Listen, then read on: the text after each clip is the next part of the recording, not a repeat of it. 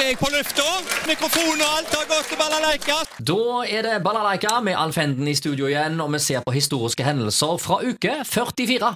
Ja da, uke 44 skal bli. Begynner med en fødsel i 1929 i dag. Bud Spencer, italiensk skuespiller og svømmer. Hva ble Terence Hill av? Ja, hvor ble Terence Hill av? Det skal jeg komme litt tilbake til. Ja. Men Bud Spencer han het jo egentlig Carlo Peder Soll, men tok navnet Bud Spencer i 1967 etter sitt favorittøl Budwiser og favorittskuespiller Spencer Tracy, originalt. Og Det var jo i 1967 han fikk sitt uh, gjennombrudd på filmlerretet med filmen Rid aldri alene. Men mest av alt, som du sier, så blir nok Bud Spencer huska for kompaniskapet med Terence Hill, og da særlig i Trinity-filmene på 70-tallet. Spagetti-western. Ja, Er ikke det da det ordet, begrepet kom? Det var veldig populært en stund òg. ja, en stund. ja. Jeg tror de, to de spilte eh, sammen i 18 filmer, det tror jeg faktisk. ja. Men eh, jeg nevnte innledningsvis her at Bud Spencer var en svømmer, og ikke hvilken som helst. Eh, han eh, representerte Italia i sommer-OL både i 1952 og 1956. Uh, Bud Spencer døde for øvrig i 2016. Og eh, en fødsel i 1950, vi holder oss til skuespillere her. John Candy, kanadisk komiker og skuespiller.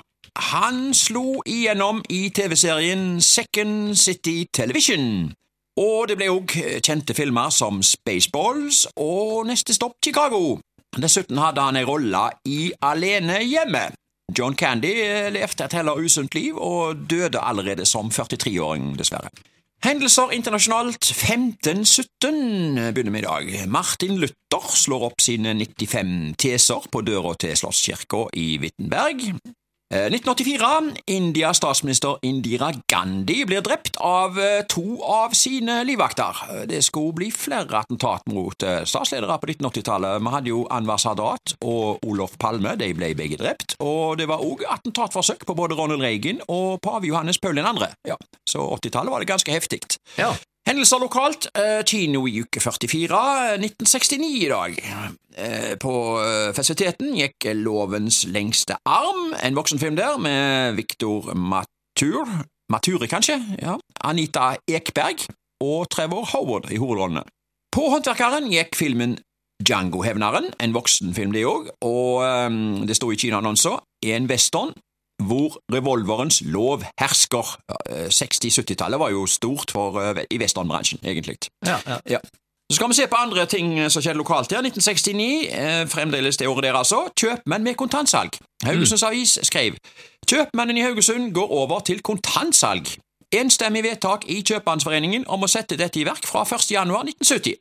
Med kontantsalg menes at varen blir betalt kontant ved kjøp over disk. Ja, altså Kundene kunne jo krita, eller borga, som eh, det også ble kalt. Det, det, de, det som skjedde da, det var at de handla, det de handla for, det ble skrevet ned i en bok, og kunden gjorde opp for seg eh, etter å ha samla opp et beløp. Det var det vanlige før, faktisk. Det var, det, det var veldig vanlig. Eh, Det var jo mange skjelvne bukser blant kjøpmennene, du, for det var jo ikke alltid at de kunne gjøre opp for seg, de som krita hos de. Det var en pokersjanse å ta, og la Ja, de men Da fikk de jo ikke kjøpe noe mer. Nei, nei mat var jo måtte de jo ha, så, Ja. så de hadde jo et pressmiddel. da. Ja, de hadde et pressmiddel, og det var jo noen av disse kundene som eh, gikk fra shopper, som vi kaller det for i dag, de gikk fra butikk til butikk og krita overalt. Ja, nettopp. Så ja, Men det rykta seg vel jo fort den gangen. ja, de gjorde jo det. Ja. Eh, Grønhaug kolonialdu i Kjerkegata, de eh, gjorde noe eh, kreativt. De hang opp noen plakater, eh, og på de plakatene sto det, jeg skal gjengi her, Betal kontant, gå fri og frank. Sto det på det ene? Mm. Unngå kreditt, gå trygt og fritt. Ja, Stol det på det andre? ja nettopp. Nettopp. ja. Sånt var det på den tida. Ja. I dag er det vel ikke så veldig mange som betaler kontant lenger. Eh, nei, altså, du betaler jo med kort, Ja, ja. men eh, du betaler jo og gjør opp for deg etter hvert. Det er ikke så mange som betaler med sjekkhefte lenger heller, har jeg hørt. Nei, det er i hvert fall ut. Ja, Men i. USA, faktisk, Ja. der er det ganske vanlig med sjekkhefte ennå. Stemmer det. stemmer Ja, ja, det. Vi går til 2003, overskrift i Haugesunds Avis, fra bensin til medisin.